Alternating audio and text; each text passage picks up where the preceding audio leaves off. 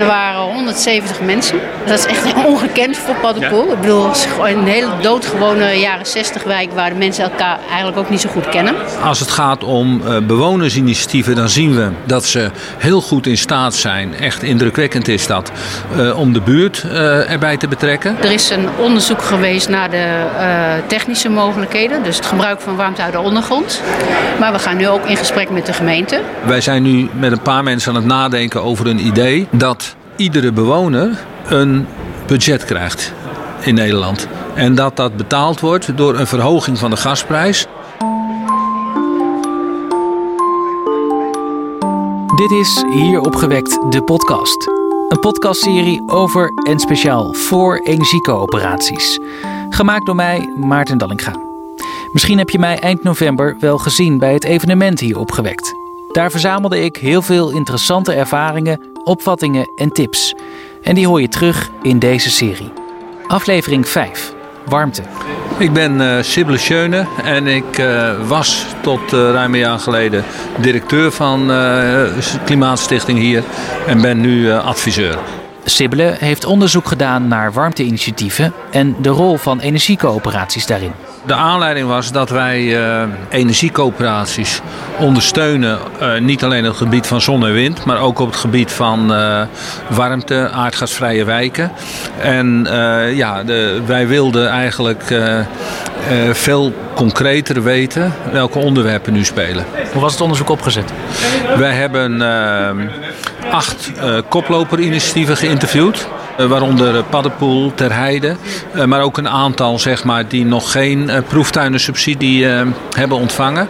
Ja, wat is de, de proeftuinensubsidie? is, er zijn uh, 27 uh, wijken, buurten, die geld hebben gekregen van uh, het ministerie van Binnenlandse Zaken.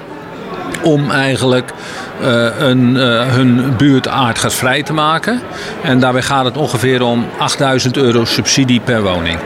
En we hebben eigenlijk apart gesproken met het initiatief en met de betrokken gemeenteambtenaar.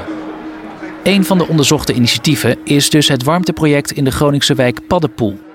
Els Struiving zit in het team van Buurtwarmte Paddenpoel. Wij spraken elkaar vorig jaar ook. Toen was je er ook al volop mee bezig. Hoe staat het er nu voor?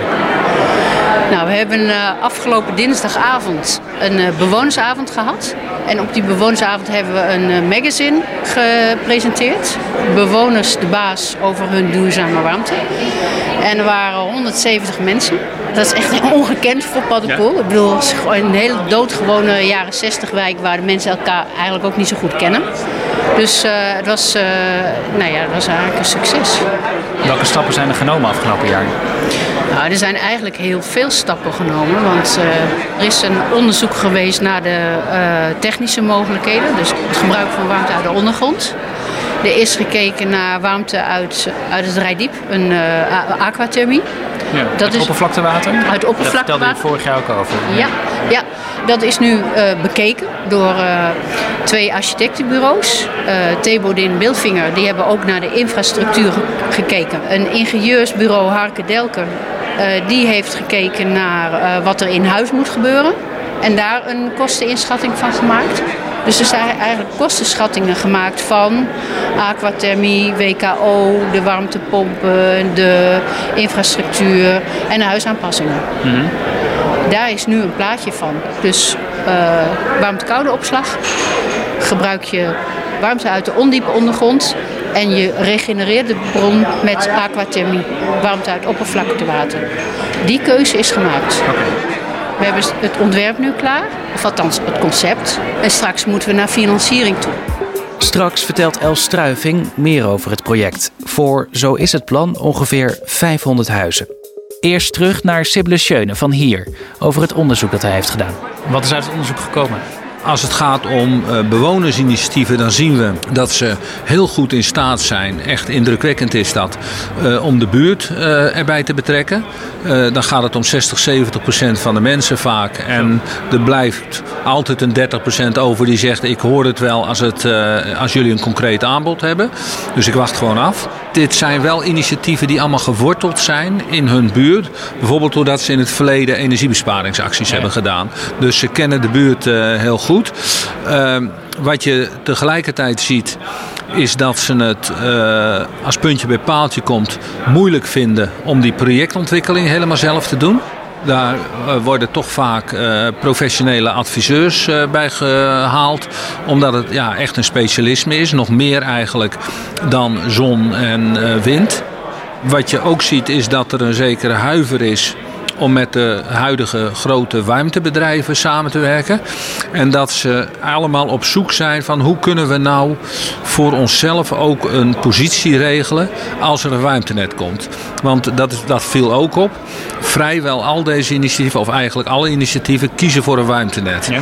Ook omdat all-electric oplossingen uh, ja, in de praktijk heel veel verbouwingen eisen en uh, ook gewoon heel duur zijn uh, nog. En wat het belangrijkste is, wat al die bewonersinitiatieven zeggen, is: als er een warmtenet komt, dan willen wij zeggenschap als afnemers. Het zij door zelf in dat bedrijf te zitten, het zij door iets anders te bedenken waardoor wij zeggenschap uh, houden. Zekerheid. Nou ja, je krijgt te maken met een monopolist bij een warmtenet. Dus zeg je, je wilt als bewoners iets te zeggen houden over de prijsontwikkeling, uh, de verduurzaming, de kwaliteit van de, zeg maar, uh, de dienstverlening. Uh, je wilt gewoon als bewoners niet totaal afhankelijk worden van een monopolist die, die, die je niet kent.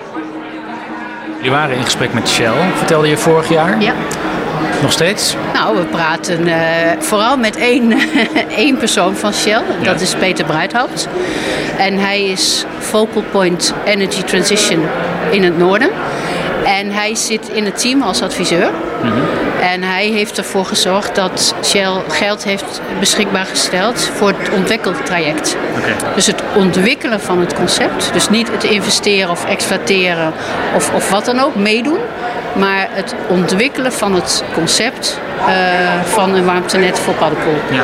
Daar, is, daar zitten zij financieel in. Nu hebben we het plaatje opgesteld en constateren, zoals iedereen die met warmte bezig is, dat je heel wat onrendabele top hebt. Alles wat mensen voor hun warmte moeten betalen is niet genoeg om de investering in het net nu te betalen. En daar zal dus financiering voor moeten komen. Investering, een warmtefonds, subsidie, noem het maar. Landelijk is het dus ook nog niet op orde. Hè? Dus die, die wetgeving dat een gemeente een wijk aardgasvrij mag maken, is, is er nog niet. Uh, de hele wetgeving rond kleine warmtenetten is nog uh, in de maak.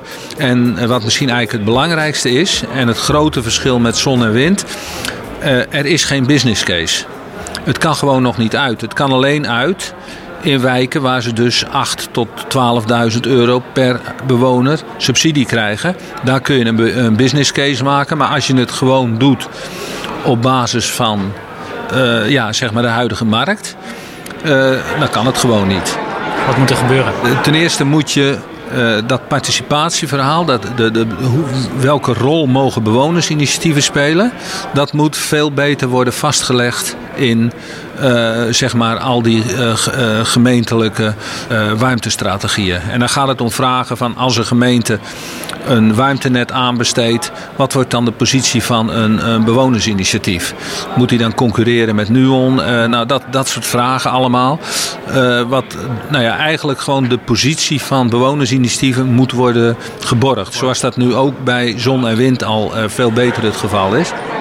Wij zijn nu met een paar mensen aan het nadenken over een idee dat iedere bewoner een budget krijgt in Nederland. En dat dat betaald wordt door een verhoging van de gasprijs, zodanig richting 1 euro.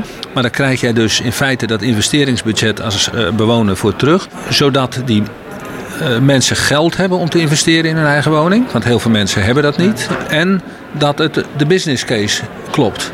Want als de business case niet klopt voor een warmtenet of andere duurzame oplossingen, ja, dan kun je doen wat je wilt. Maar dan, uh, dan wordt het nooit wat met de warmtetransitie, hè, als het niet uit kan. Natuurlijk, het is een sigaar uit eigen doos. Maar uh, dit is net zo goed als de subsidie op zon en wind een sigaar uit eigen doos is. Dat mhm. betalen we ook met z'n allen. Ja. Maar dat zorgt er wel voor dat het uit kan. Waardoor allerlei initiatieven tot bloei kunnen komen. Ik denk dat we nog wel twee, drie jaar bezig zijn voordat we bij uh, warmte op eenzelfde manier zeg maar, de uh, positieve ontwikkelingen zien als bij zon en wind. Dat de business case moet op orde zijn. Bewoners moeten investeringsbudget hebben. En de gemeente moet weten wat haar rol is. En daar ook uh, capaciteit voor hebben gemaakt. Ondertussen gaat Els Struiving uit het Groningse Paddenpoel stug door met het plan voor een warmtenet. De dingen die genoemd zijn nu technisch moeten nog verder doorgerekend worden. Maar we gaan nu ook gesprek, in gesprek met de gemeente over uh, de proeftuin aardgasvrij gelden. Die uh, de gemeente Groningen heeft gekregen, onder andere voor Paddenpoel. En we praten ook met de gemeente over andere opties. Misschien een warmtefonds dat de, uh, de gemeente creëert. En misschien zelfs ook dat de gemeente zelf gaat participeren. Dus de gemeente en dan straks praten met... nou ja, we moeten gunstige leningen kunnen afsluiten. Dus dat werk komt er nu aan. Dus er komt nu eigenlijk een heleboel werk uh, een beetje achter de schermen komt ja. aan. Jullie hebben ook gekeken naar de relatie tussen coöperaties en gemeenten. Ja, we hebben dus gekeken hoe staan de gemeenten ervoor. Nou, dan zie je eigenlijk dat de gemeenten nog niet goed raad weten met dit onderwerp. En dat ze uh, eigenlijk nauwelijks capaciteit hebben voor dit onderwerp. Dat ze niet goed weten welke rol ze moeten pakken bij de aanleg van een warmtenet alle gemeenten die kunnen heel goed het gesprek aangaan met bewonersinitiatieven in wat wij dan noemen de oriëntatiefase, waarin je nog een beetje om je heen aan het kijken bent wat willen we. Maar dat eigenlijk op het moment dat zo'n bewonersinitiatief zegt wij willen nu wel eens met de projectontwikkeling starten en eerste inzicht krijgen in wat gaat het dan precies kosten, dan blijkt de samenwerking met de gemeente eigenlijk eh, dat je in een soort moeras belandt omdat de gemeente het allemaal niet op orde heeft. Het is gewoon totaal nieuw voor de gemeente. En die zijn eigenlijk, eigenlijk loopt het alleen goed. Echt goed in een paar gemeenten zoals uh, Terheide, Nagelen. Waar uh, zeg maar het bewonersinitiatief helemaal zelf uh, een projectontwikkelaar heeft gevonden. Een deskundige ondersteuning. En waar de gemeente eigenlijk alleen maar nuttig is om het geld over te dragen. Uh, dus de subsidieaanvraag te doen en om eigenlijk vergunningen te verlenen. Kortom, je moet het als energiecoöperatie op dit moment nog niet van de gemeente hebben. Nee, maar dat is tegelijkertijd moet je het wel van de gemeente hebben op termijn. Want als je de hele wijk mee wilt krijgen en je wilt een wijk aardgasvrij maken, dan is er maar één orgaan wat een besluit kan nemen dat het gasnet uit die wijk verdwijnt en dat is de gemeenteraad. Hoe ervaren jullie de samenwerking met de gemeente, gemeente Groningen? Wij hebben de gemeente nodig en de gemeente heeft ons nodig. En we zijn wel steeds in gesprek geweest met de gemeente. Uh, maar je ziet dat de gemeente het ook, uh, dit hele dossier wel ingewikkeld vindt. Ze vinden het ook ingewikkeld dat uh, ze nog heel veel andere wijken hebben waar ook dingen moeten gebeuren. Maar de laatste gesprekken en overleggen zijn wel heel erg hoopvol. Er is wel een zekere richting uh, nu dat de gemeente ziet van ja, hé, hey, dat is uh, ook wel een kans en we gaan uh, onze regierol echt goed benutten. En ben je niet bang dat als er straks na nieuwe verkiezingen een nieuw bestuur komt, dat dan alles weer van vooraf aan begint? Dat denk ik niet. Toen wij al bezig waren, is er een wisseling geweest. We hebben nu uh, een uh, behoorlijke GroenLinks uh, raad. maar ik denk dat in heel Nederland, maar zeker in Groningen en de stad Groningen, waar die aardgasproblematiek natuurlijk heel erg speelt, denk ik niet dat die ambitie opeens ergens anders gaat liggen. Want je ziet dat het heel breed gedragen wordt ook door alle partijen.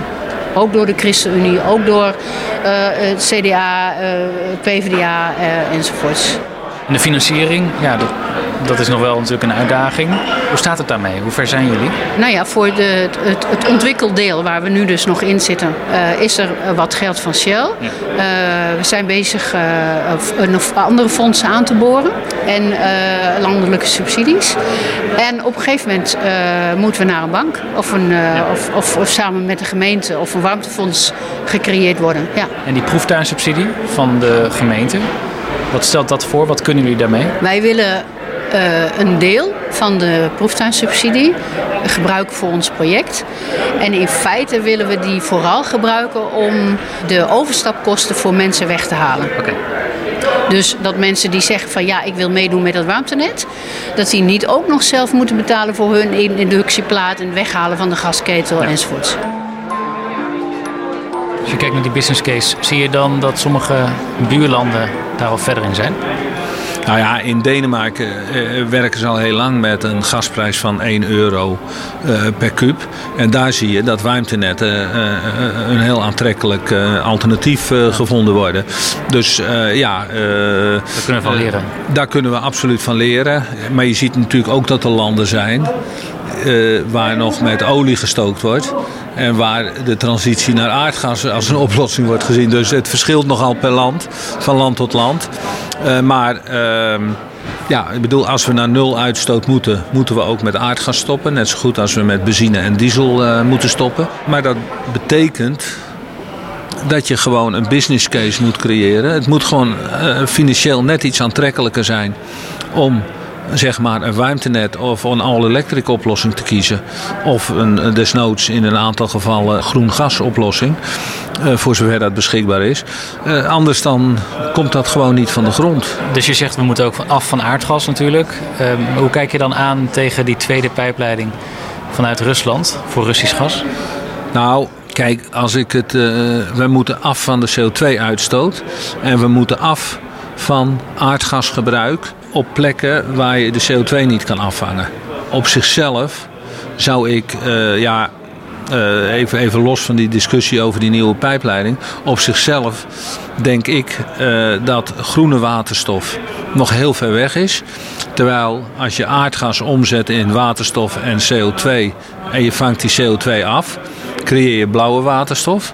En dat kan ook in de gebouwde omgeving mogelijk een rol spelen. Dus ik, ik ben niet principieel tegen gasgebruik, ik ben tegen CO2-uitstoot. Als we elkaar volgend jaar weer gaan spreken, misschien, hoop ik, spreken ze verwachtingen uit. Hoe staat het er dan voor? Nou, dan hebben we geld. Ja. En dan is het vergunningen, vergunningstraject gestart. Ja, en dan, uh, en dan kort daarna kunnen we beginnen. Dit was de vijfde aflevering van seizoen 2 van Hier Opgewekt, de podcast. Gemaakt door mij, Maarten Dallinga, in opdracht van Hier Opgewekt.